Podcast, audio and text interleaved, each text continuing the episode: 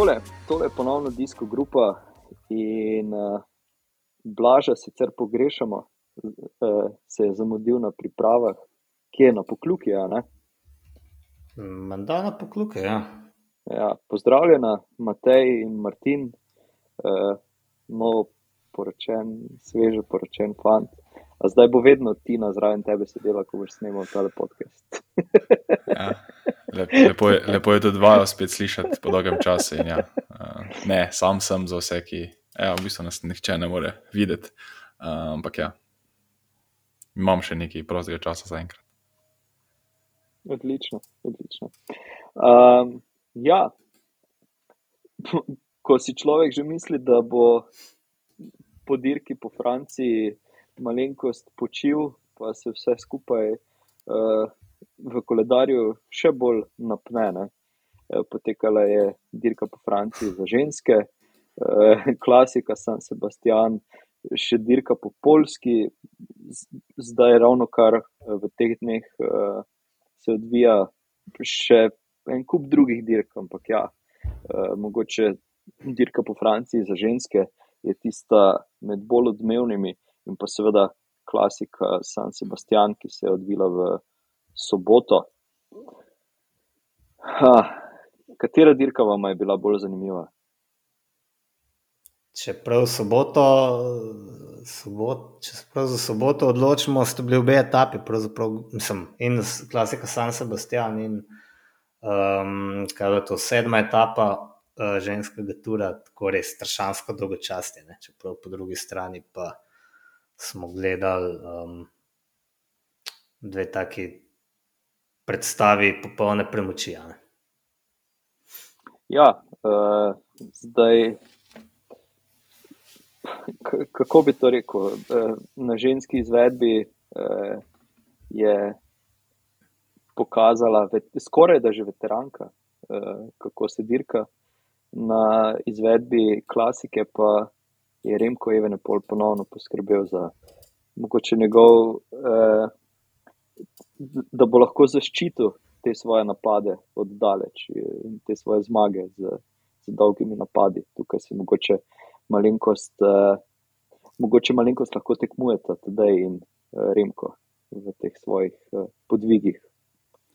Ja, se kle, tukaj je tudi ta fenomen, da um, pri ženskah um, prednjačijo uh, starejše kolesarke. Anemik van Floten, ki je pač um, deklasirala ostale v gorskih etapah, je stara 39 let, Marijane Vos, uh, ki je osvojila zeleno majico, uh, dve zmagi, dve drugi mesti, eno tretje mesto in eno peto mesto. Vse to v prvih šestih etapah, uh, je stara 35 let in mm, ja, enostavno pač starejše kolesarke uh, razstoravajo, čeprav prihaja, seveda, mladi val, to, da pozabimo, svetovno prvakinja Lisa Belsamo, se ne vem, koliko je stara, ampak to je mlada kolesarka. Um, pri moških gledamo pa obratno. Ne, in, um, evo, Remko je vedno pol, drugič je zmagal v klasiku San Sebastian, prvič mogoče mečkan presenetil, ti se bila celo njegova prva članska zmaga ne, na tem nivoju, na, eh, na World Touru. Um, tokrat so pač vsi gledali njega na dirki, kjer se v bistvu soočajo.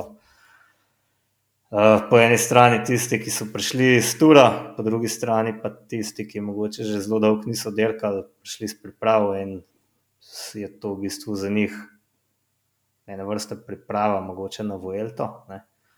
Um, in tokrat je bilo očitno, da so bolj odnesli tisti, ki niso imeli za seboj najhitrejšega tura v zgodovini. Ne?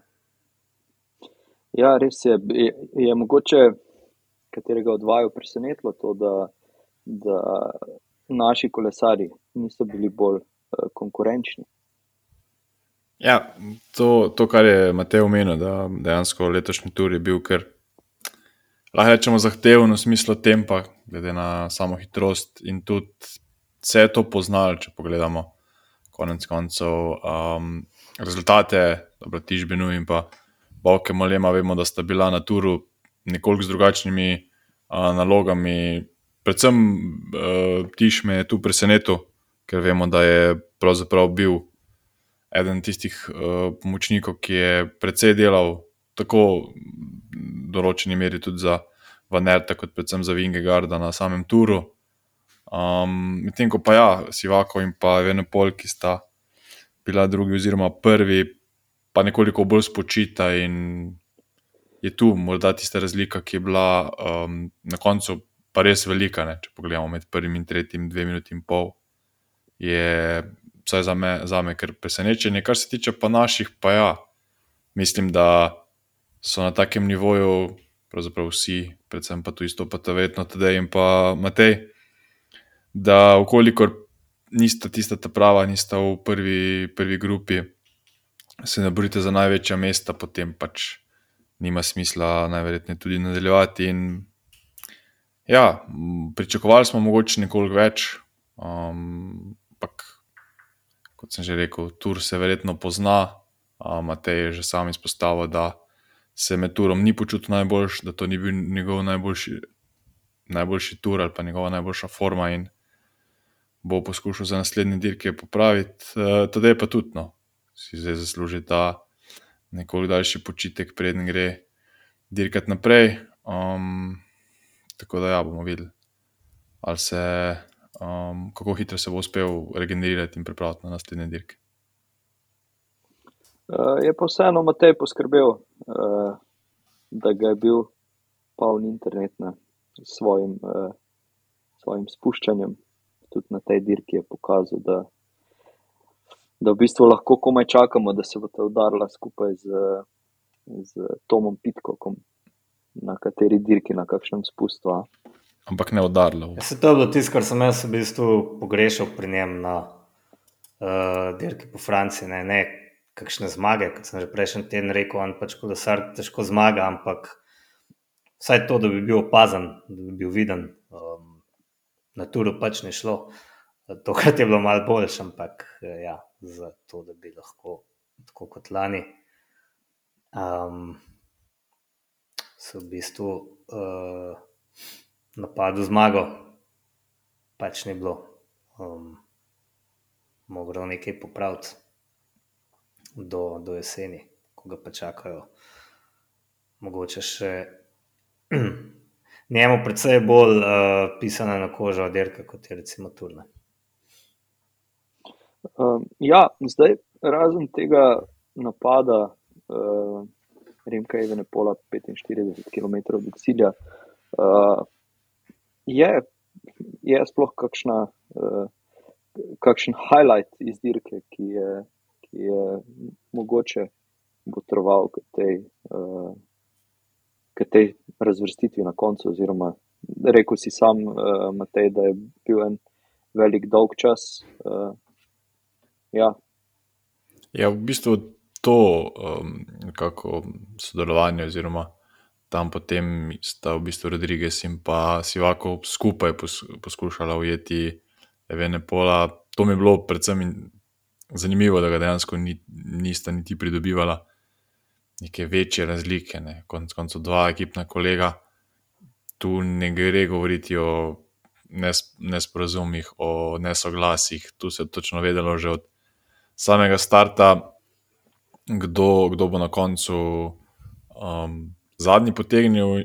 In ja, tu sem pričakoval, da bo moč um, se mu nekoliko približal, ampak je Remko očitno spet uspel ta svoj napad uh, izvesti do potankosti. In, in, ja, na tem srednjem dolgim, če ne rečemo kar dolgi razdalji, je sposoben držati res visok tempo. In če vkolikor nisi z njim um, v tistim pravem trenutku je zelo težko, ampak ta pravi trenutek pa ponovadi pride zelo, zelo zgodaj in tudi v takšnih um, trenutkih, ko verjetno ostali niso pripravljeni, ker vemo, da mogoče vse nima tistega um, eksplozivnega momenta, kot ga ima do drugega od kolesarja, ampak če, če ga pa ne primeš v prvih, rečemo, temu, parih sekundah, pa ga v bistvu zgubiš že za kar do konca etape. No, ampak sej na podoben način je šel že letos na Liež, Baston Liež. Pa tudi tisti napad, ki ga je izvedel, je bil tudi eh, kar toliko močen, da so se tudi od zadaj vsi sam pogledali, pa je to bilo, pa je to, bilo to se je zaključila. Uh, se je stvar zaključila, tam mislim, da je bilo dobrih 25 km do cilja. Uh, ampak ja, uh, tako kot sem rekel, ne, znam po teh svojih dolgih napadih in pa obenem potem tudi po impresivnih zmagah. Um, ja, zdaj um, od teh, ki so, ki so dirkali na turu, uh, tako kot si rekel, Martin je presenetil, tiš Benu. Uh, Rigoberto Uran na devetem mestu. Bavke molema, ne pozabi. Ja, tudi mm. bavke molema. Uh, dejansko nekaj kolesarjev se je znašlo v tem ožjem, uh, v tej ožji uh, skupini.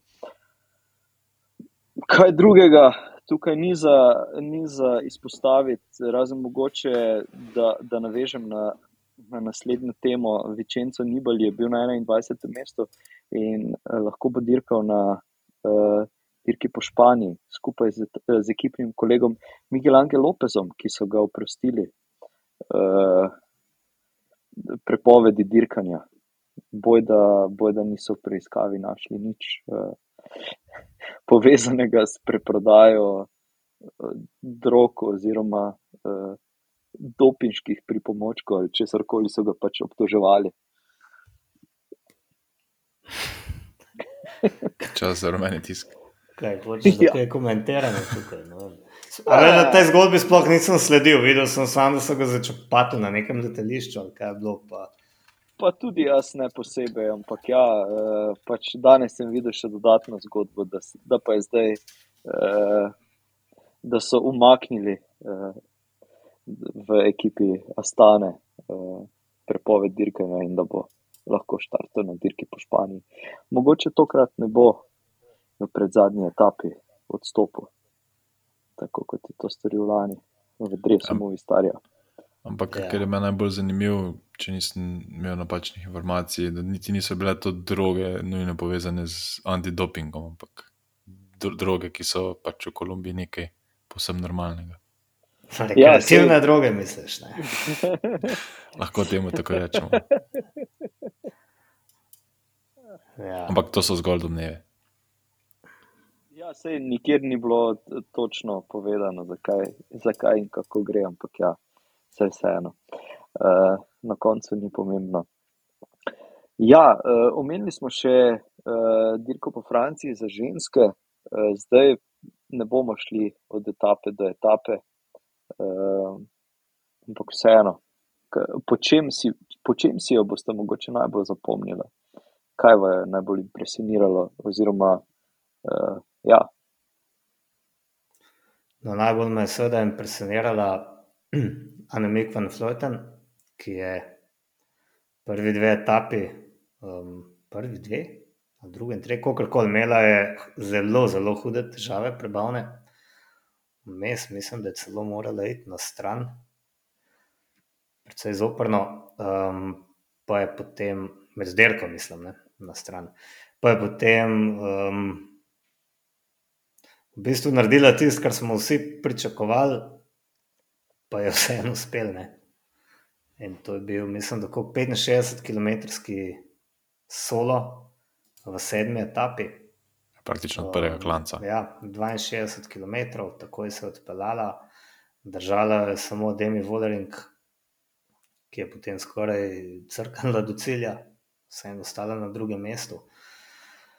Um, tako je eno tako veliko presenečenje, prijetno, pa mislim, da je bila Učka Žigart. Um, ki se je v bistvu držala z najboljšimi specialistkami za uspone. Um, tako ona me je pa res prijetno presenetila. In če vemo, koliko imamo v bistvu težav na spustih pri vožnji v skupini, si lahko samo predstavljate, koliko ima še neke rezerve. Um, pri tisti energiji, ki jo porabi za to, da pač štuka, ko je na elastiki, kar pač ni tam, kjer bi morala biti. Um, to me je res navdušilo no, in upam, da bo da bo ta rezultat, oziroma dva rezultata v sedmi in osmi etapi, edinih dveh gorskih etapah, je vozila odlično.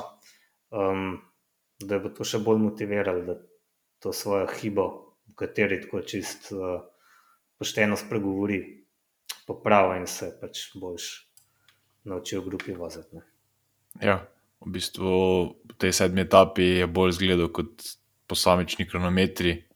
Um, in tudi mogoče zato je, to je bilo vprašanje po sami etapi. Um, če se je počutila kot na kronometru, takrat je vodila, vozila sicer, mislim, da v manjši grupi, um, tam tre, uh, tretji grupi, se pravi za Van Vlajtnovo in pa Voleringovo, se je oblikovala kar prestižna skupina in ja, Uška je bila tam zraven. Takrat je nakazovala, da ima dobre noge do konca.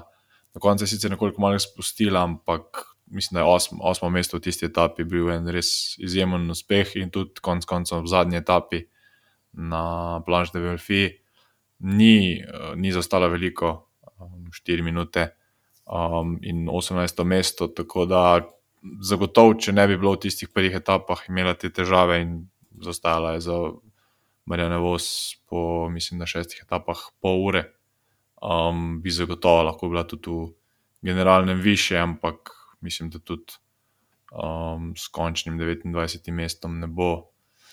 Ne bo nezadovoljna, ravno zaradi stvari, ki jih je Matej izpostavil, se pravi, da, da se zaveda, da je bila v gorah dobra. Um, te težave, pa mislim, da nima samo ona. Če pogledamo, govorili, govorili smo neki že pred samim snemanjem, kako drugače se dirka pri ženskah kot pri moških. Če pogledamo tisti prvi del, uh, v bistvu lahko bi ta tur razdelil kar na dva dela, se pravi, prvih šest etap, razmeroma um, primernih za, za uh, sprinterke, oziroma ne tako gorski. Um, tu je pred, prednačila predvsem Marijana Vos. Je bilo. Vse na papirju je kazalo, da bo v bistvu več sprintov kot uh, v celoti, celotnega pelotona, ampak smo pa spremljali bolj kot ne kapetanke, že, že uh, same. Se pravi, da je tudi če bila grupa vem, desetih kolesark, sta bile največ po dve iz iste ekipe, in neka taktika ni prišla do izraza, tako kot recimo vidimo pri moških. In to je meni po eni strani bilo bolj zanimivo, ker v bistvu je bilo dosti bolj nepredvidljivo, dosti bolj je bila res ta individualna kakovost vidna. Mm, kako se katera od kolesark znajde, kako uspe izkoristiti svoje sotekmovalko. Um, tu je veliko bolj pomembno, kako si pozicioniran, kot pa recimo, če imaš lead-out vlak, ki te pripelje točno na določeno pozicijo in potem je na tebi samo, da zaključiš. Um, in takrat je Urška dejansko izgubila največ, verjamem, da tudi marsikatera. Um, Van Vlajtnova je bila v težavah, tudi po zadnjih dveh etapah je povedala, da se je borila, da je res upala samo, da preživi, da preživi. Um, in potem dejansko v sedmi etapi rekla, da poskusi na vse ali nič. Uspelo je res nekaj izjemnega, Tisti, ta napad je bil kar, kar izjemen in zasluženo je tudi potem še na zadnji zadnji dan na, na planš Debelfi pokazala, da je najmočnejša in brez, brez dvoma z precej veliko razliko dobila uh, prvi, rečemo temu zdaj, nazaj tur. Ja, v bistvu na planš Debelfi, eh, oziroma na super, super. Pla, planš Debelfi. Je bila bolj močna tudi kot uh, tisti voznik motorja ob strani. Uh, ki se, ki se je skupaj s nemalcem zvrnil po tleh. Uh, ampak uh, ponovno, že na predstavitvi, pa že, ja, še vmes so se pojavljale špekulacije, vprašanja, debate itd. In tudi, seveda, zdaj, ko je vse skupaj že končano, ali je to primeren format dirkanja za dekleta, ženske nekateri uh, pravijo, da bi lahko trajal ženski tur še dlje, nekateri, da je morda to nasplošno že pretežka dirka za, za punce. Zdaj. Ja, se to mora zdaj kar zapreti ta podcast, ne? če rečeš, da je nekaj pretežko za punce. Ampak imaš seveda prav, ne. Um, mislim, ni pretežko, ampak kakovostna razlika med tistimi najboljšimi in malo manj najboljšimi je zaenkrat še prevelika, ne, iz mnogih razlogov. Um, kolesarstvo žensko je pač še vedno samo nekako na pol profesionalno. Um, tukaj so se soočile pač ekipe World Tour, kjer je sicer preživetje kolesarkam na nek način zagotovljeno in ne vem, ekipe, za katere večina najbrž še ni slišala in kjer verjetno marsikatera še vedno dirka praktično za ston. In težko jih je dati potem na isto dirko. Ne? To je nekaj podobnega, kot smo uh, gledali na dirke po Sloveniji, samo da bi vem, si predstavljal mogoče še mečkan teže etape, ne, kakšno, ne vem, no, res. Ta pravo gorsko etapo čez vem, vršič pa na Mangard, kjer bi potem na letno spet bile razlike tako velike pa metla bi marsikoga ujela, da bi vse skupaj bilo že malo žalostno. In to težavo, jaz mislim, da ima žensko kolesarstvo zdaj, težavo, ki jo bo verjetno um, izziv, ki ga bodo premustili um, s časom. Ne? S časom, ko se bo še bolj kolesarstvo razvilo, ko bo več denarja prišlo noter v šport. Um, Zaenkrat pa je eno po svoje boleče gledati to, da ena kolesarka 62 km pred ciljem pohodi, se odpele vsem drugim. Pričemer meni recimo ni jasno, da ena tako izstopa v primerjavi z ostalimi, ki imajo tudi recimo enak dobre pogoje. Um, ampak ja, no, vse po svoje pa tudi to. Eh, zaradi tega bila zadeva bolj zanimiva. Um, jaz bi mogoče še zadnjo etapo izpostavil, ki jo je Anemik zmagala, sicer z nekaj manjšo prednostjo, ampak kaj vse je morala tudi v tej etapi dati čez. Jaz sem v bistvu gledal etapo od uh, štarta do cilja, ona je kar naprej menjavala kolesa. Um, vem, ene trikrat ali pa štirikrat s tem, da so enkrat napadle, ko je, ko je bila dejansko na kolesu od kolegice, ki je bil mečkan prevelik. In to je bilo ravno pred, um, pred zadnjim klancem, um, tako da je na tem prevelikem kolesu s previsok dvignjenim sedežem. Se vozila do klanca, kjer je prišel potem do nespremljevalni avto, je spet zamenjala kolo, kot da ni nič, še enkrat ujela vodilne um, se z njimi držala do vrha in tem v bistvu napadla na koncu na super planš de Belfil in evo, um, potrdila tako absolutno premoč, um, zmagala kljub tem težavam s kolesi in kljub temu, da je imela tiste, na začetku tiste prebavne motne, kjer je skoraj, skoraj že odstopila. Ne. Zdaj, težko je meni, oziroma nam, na splošno biti pameten. Ne? E, to bi mogli imeti mogoče v gosteh, kakšno e, žensko kolesarko. E, ampak nekaj, nekaj komentarjev se vseeno najde na to temo, da so morda tiste punce oziroma ženske, ki so že dale kakšno rojstvo ali dva čez, bolj pripravljene trpeti na klance oziroma bolj navajene trpeti, uh, da, da jim je mogoče bliže ta bolečina. Uh, se pravi, tukaj jaz definitivno nisem pravi naslov za komentiranje tega, tako da upam, če kakšna punca ali ženska tole posluša, da nam uh, sporoči kaj pametnega. Bolj pametnega od na, našega razmišljanja. Uh, ampak ja, mislite, da je tudi s tem kaj povezano? Na vse zadnje, Anemik ima, mislim, da tri otroke pri 39 letih, tudi Marijane Vos, če se ne motim. Eh, in oni dve sta, recimo, da tukaj vseeno izstopali.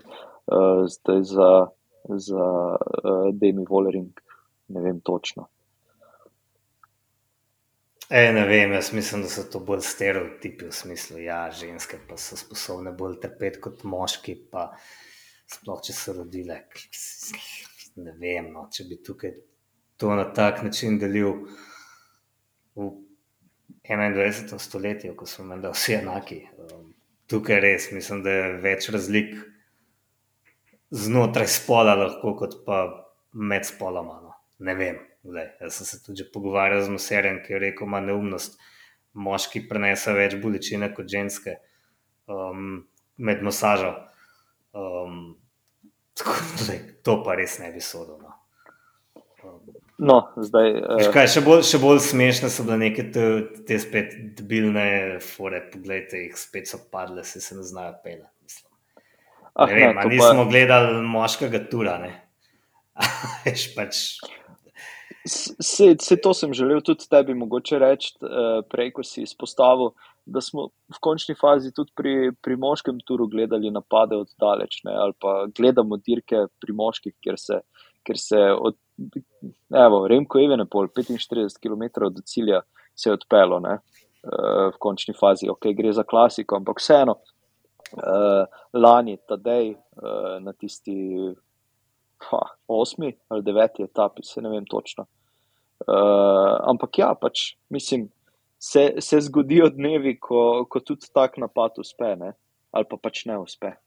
Ja, ja absolutno. Se strinjam. Tako da, tako da ja, to zapaci pa itak sploh, uh, mislim, je brez veze komentirati zaradi tega, ker so se tudi butasti paci dogajali že na moških dirkah, oziroma se dogajajo, ne da so se dogajali, se dogajajo. Uh, in tu, tu te, teh nek raz, nekih razlik iskati je res brez veze. Ampak pač ja. Um, Gledal sem si danes en dokumentarec od Panormal Studios, torej teh, te znamke, ki izdeluje kolesarska oblačila, kjer so pet ali šest gospodičen poslali na, na te klance, ki so jih uh, ženske prevozile na dirki po Franciji.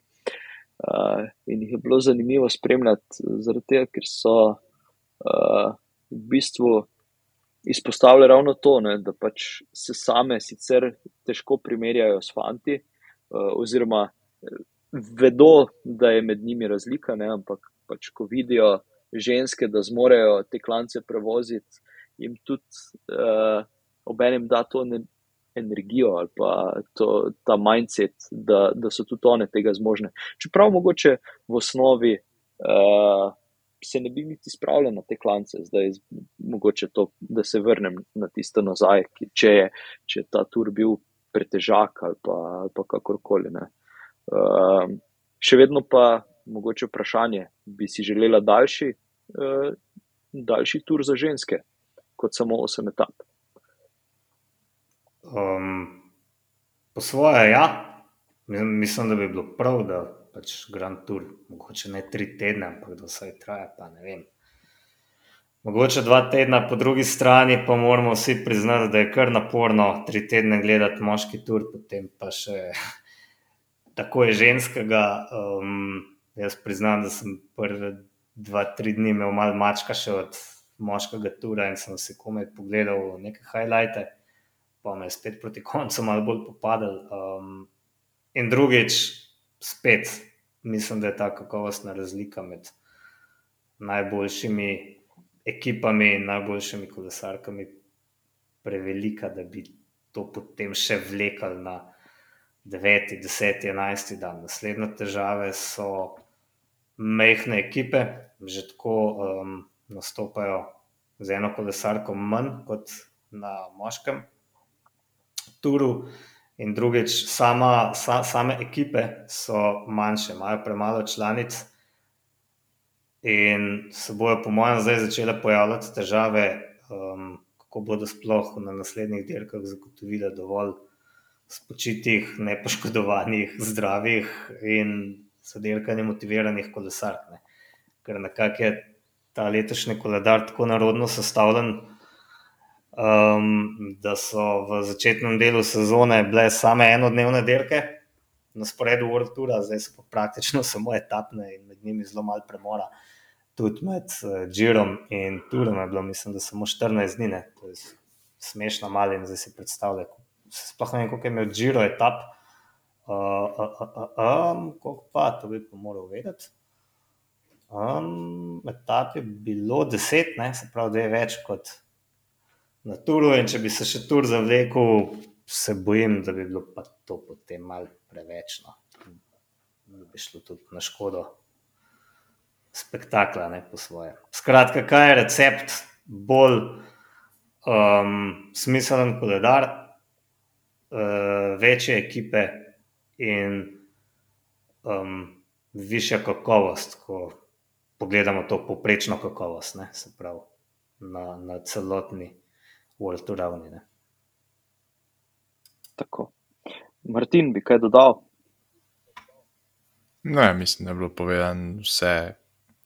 Zdaj, veliko teh vprašanj je v medijih in sto mnen po sto vprašanj, postavljenih vprašanjih, ampak se strinjam, da predvsem, da bi ekipe se izenačile po denarju, um, bi bilo precej bolj zanimivo in pa izenačeno dirkanje.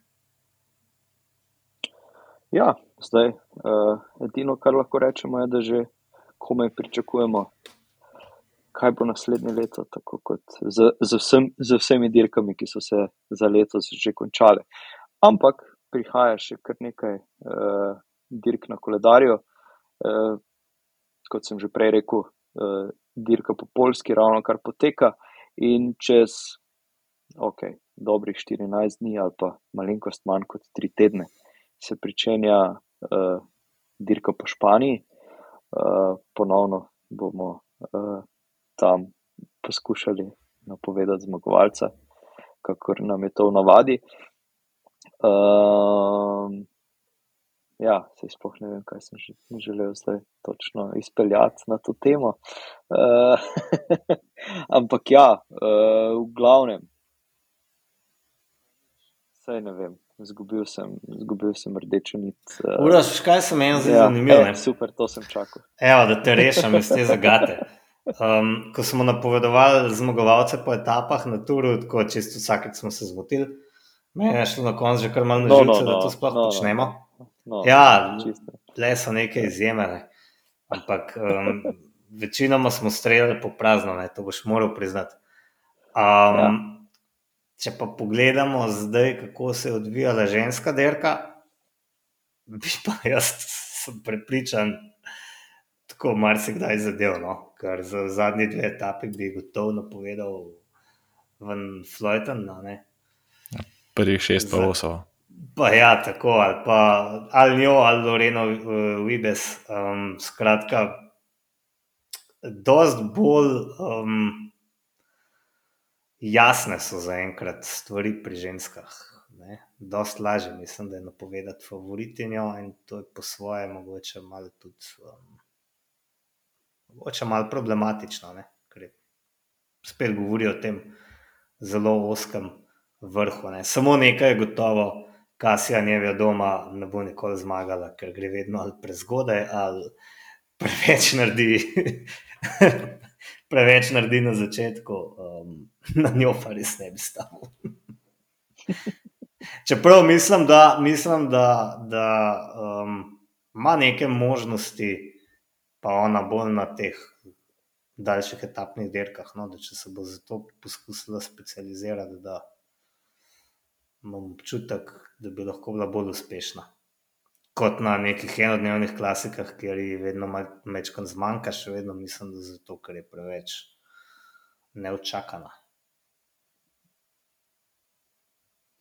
Zanimivo. Zanimivo. Zdaj, uh, jaz se bom ponovno navezal na dirko po Španiji. Uh, bi si mogoče zdaj že upala napovedati, uh, koga vidite kot zmagovalca lete. Kljub temu, da še štartna lista ni uh, do popolnosti uh, objavljena, ampak vseeno. ciljata na koga. Zdaj, ko vemo, da uh, TD-ja ne bo, uh, da tudi Primoš, vsaj 99% jih ne bo štartal. Simon Yates, mislim, da se omenja, da je en glavnih favoritov. Um, na San Sebastianu se ni pel tako slabo, pa ja. Zdaj gledam malo še stavnice, dejansko je GC without Primoš Roglič. Uh, tako da ja, Remko, Karapas, Mas. Ne vem, od vseh teh bi jaz stal nekako Simon Yates. Um, največ možnosti ali pa Remko, mogoče, če mu končno uspe en Grand Tour v celoto zapakirati. Ja, ne vem. A se ne nekaj celo govorili, da bo, da bo dirkal, to so bile neke smešne govorice. Bernal. Bernal, ja. Ja, tudi to je še pod vprašanjem. Ne? No, njega gotovo ne bi napovedal, ampak um, ja, ne vem, to je težko vprašanje. Če ti po pravici povem, niti še nisem uh, trase si dobro gledal. Um, ampak jaz bi si pa želel, no, da bi, veš kaj, jaz bi si pa želel, da bi Remko je Venepul tole zmagal. No. E, potem pa ti zdaj dajem nalogo, da moraš ponovno poslušati naš podcast od lani, ko smo pregledali traso na dirke po Španiji. Ja, se vem. Ampak... Takrat, takrat smo si vsi, vsi ogledali, ampak v eh, osmih mesecih se stvar ja. žal pozabi. Ne? Tako da bomo mogli osvežiti svoj spomin. Uh, ja, jaz mislim pa, da bi mogoče Karapas znal. Je končno zmagati to Velto. Preden se poslovi od Ineosa. Uh, ja, pa glede ja. na to, da. Da jim bo žal, ne? Ja, da niso več znali tukaj imate. Morda pa bi znala Bora spet presenetiti, tako kot na Džiro. Ja. To pa bomo videli. Že je uh, sploh ni derko, ne? zdaj se je pojavil na klasiki San Sebastian. To je zanimivo, ja, da bi naredil to. Um, ta dvojni program, dvojna zmaga, Džiro Vuelta. To bo kar hudo. Kar dosežek, kar ja. dosežek. Ja. Um, ja, sta pripravila kakšno trivijo vprašanje? Morda? Ja, evo, jaz ga imam. Odlično, Martin, tudi, tudi Kima. Uh, evo, Martin, izvoli. Um, jaz sem si v bistvu pogledal malo TD-jeve nastope od leta 2019, ko je pristopil med profesionalce. Pa me zanima po občutku, koliko odstotkov dirk bi rekla, da je zaključil, na katerih je uh, nastopil. Se pravi, kolik, kolikrat ni imel uh, kratice DNF ob svojem rezultatu. Ja, nam lahko pomagaš, koliko jih je štartov? Štartov jih je 58. Jaz bi rekel 55. Da jih je 55 končal. Ja, ja, da jih je 55 končal, ja, seveda. seveda. um, uh, Rečemo, da je 53, čak, da, da ne vem, se streljamo v temo. Povej. Ja, v bistvu pet, pet, uh, petkrat ni uspel priti do konca, uh, tako da je 53. Uh, 9 odstotkov um, dirk, ki, ki jih je startal, jih ni zaključil, in pa v bistvu, če pa pogledamo po letnicah, pa leta 2019 je na 18 dirkah dvakrat odstopil leta 2020 na 11 tekmah, eh, na 11 dirkah nikoli, 2021, 20 dirk dvakrat in pa letos uh, klasiko San Sebastian, ki je pač edina dirka, ki jo dvakrat ni zaključil. Um, Ma še pa eno v bistvu tako zanimivo opasko na PCS-ju in sicer dirka Flash, uh, Valonska pruščica in sicer leta 2020 v bistvu ima kratico DNS, ja, ja. takrat celotna ekipa. UAE ni štartala zaradi korone, tako da v bistvu je 91 odstoten na dirkah, ki jih je um, štartal, uspešno tudi zaključil.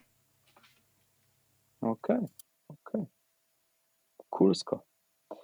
Uh, Matej.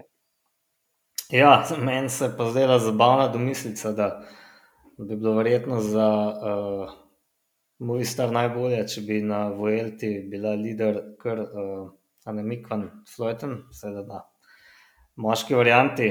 Um, lahko so veseli, da imajo žensko ekipo, da vsaj kaj zmagajo. Um, me pa zanima, kdo je pa zadnji uh, moški zmagovalec tura iz te španske ekipe, ki se od leta 2011 imenuje Movistar, uh, je pa to sicer že njena 43. sezona. Ne. Zadnji, če slučajno. Sanja se mi ne. To je Če bil. slučajno vemo še koga prej, ne. Ja, oh, lej, začel se je recimo um, s Pedrom Delgadom leta 1988, takrat se je ekipa imenovala Reynolds. Med 91 in 95 se vemo, da je zmagoval Miguel Indurain, takrat je bila ekipa Banesto. Uh, leta 2006, ko se je imenovala po še eni banki, Kazde Parne, pa je zmagal Oskar Pereiro v tistem turu, ki je bil po svoje nepozaben, po drugi strani pa njegova zmaga ni bila nič kaj spektakularna. To je bila zmaga, ki jo je dosegel potem, ko so Floyda Landisa dobili na, na dopingu. Um, ne vem, če so mlajši poslušalci takrat že spremljali kolesarstvo, ampak um, takrat je imel v 15. etapi Landis um, še vedno 10 sekund prednosti pred Pereirom. Uh, v 16. etapi so me posebej porušili, zaustavil je 10 minut in na lepem zaustavil več kot 8 minut. Se potem v 17. etapi čudežno pobral in v neki peklenski vročini uh, bežal s več kot 120 km, um, do konca uh, etape si je nabral skoraj 6 minut prednosti pred vsemi, potem 120 km begu, se čist približal spet rumeni majci in jo potem v kronometru 19. etapi osvojil in jo je imel pač dokler niso ugotovili, da bi bil v tisti etapi famozni, ki sem se jo jaz ogledal in je še vedno, če mene vprašate, ena najboljših kolesarskih predstav vseh časov, tam je bil pač počen kot svinja. In sploh ni bilo, ni bilo presenečenje, da so ga dobili. Tako da eh, to je bil konec njegove kariere in največja in ena redkih zmag Oskarja Pereira. E, Ja, kaj od takrat je potem tisti rek, ne, da kdo užge Landisa, ko napade od tako daleč. Kako Tako. je, ne. Ja, Ali pa pade na dopingu. Ampak Ja, to, to, je bilo, to je bilo, tista etapa bila pa res nekaj neverjetnega. On je imel v eni roki bidon in se kar vse čas polival, ker je bilo vroče. Po mojem, če se ne bi polival, ker je bil tako počen, bi ga razgnal. Ne vem, kaj bi se zgodilo. ja. pa, pa prehiteval je ubežnike, pa vse to. Ja, šlo, ja. Kot da je na motorju. Se tudi jaz Tako. spomnim, da sem si na YouTubu ogledal to, Tako, eh, posnetek tega. Ja. to se splača gledati. Ja. Ekipa Fonak, ne? takrat je za Fonak. Ja, tako je. Tako je.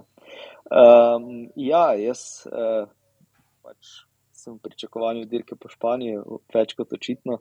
Um, zato se tudi moje vprašanje eh, nanaša na to. Uh, in sicer vam bom dal vseeno na voljo, da izbirate med uh, A, B, C in D odgovorom. Uh, ampak ja, kateri od uh, omenjenih kolesarjev pa ni nikoli zmagal dirke po Španiji. Je bil to uh, Jacques Anquetil, Eddie Merckx, Miguel Indurain ali Jupp Zutemelk.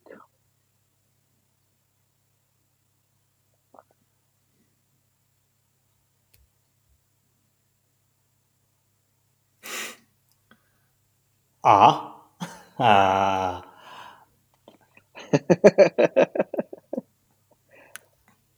A. Ja, po mojem, beste, če za, za anketilom. Z Anquetilom, ok. Z, presenetljivo, Miguel Indurain nikoli zmagal dirke po Španiji. Bil je sicer Aha. drugi leta 91, uh, potem ko je zmagal dirko po Franciji, uh, ampak ja, ni na, na domačih tleh, pa, pa ni nikoli zmagal. Tako da Uh, ja, mogoče kot ena zanimivost, uh, da, da se mu pa dirka po Španiji nikoli ni uh, iztekla po njegovih načrtih. Tako da ja. Zanimivo, pa je bila, bila svoj čas zelo um, prilagojena kronometristom. Ne? To je zanimivo. Je pa, mislim, ja. da na leta 96 ne on končal uh, kariero na dirki po Španiji, ko je videl, da pač ne gre in je stopil s kolesom in rekel: Hvala lepa, da si videl. Nikoli več ne vidite. Mislim, da je bilo nekako to. Ja. Okay. Tam prav sred ali pa proti koncu dirke, če, če prav vem. Ja. Zanimivo, zanimivo. Uh, ja, fanta, kaj bomo rekli? Uh, slišimo se uh, naslednji teden z kratkim pregledom dirke po polski in pa zihar se bo našel še kaj drugega pametnega vmes. Um, ja, nekaj smo povedali. Če se kdo ne strinja z nami, nam pa naj to, ker uh, z veseljem sporoči, bomo, uh, bomo ga omenili, oziroma kakšno izmed uh, punc uh, omenili, če nam bo povedala, da smo kje, kaj vsekali mimo pri ženskem turu. Ja. Ne vem, če so sploh gledali to dirko. Ali pa poslušali nas. Spet jaz, največ dirke si pogledal od vseh slovencev. Mo, mogoče bi moral biti plačen za to, da spremljaš dirke. Ja. Pa bi vse gledal. Pa bi vse gledal, ja. verjamem, tudi jaz. Ej, nič, fajn bodsta, se vidimo, slišimo. Čau, Dio. Srečno, čau. čau.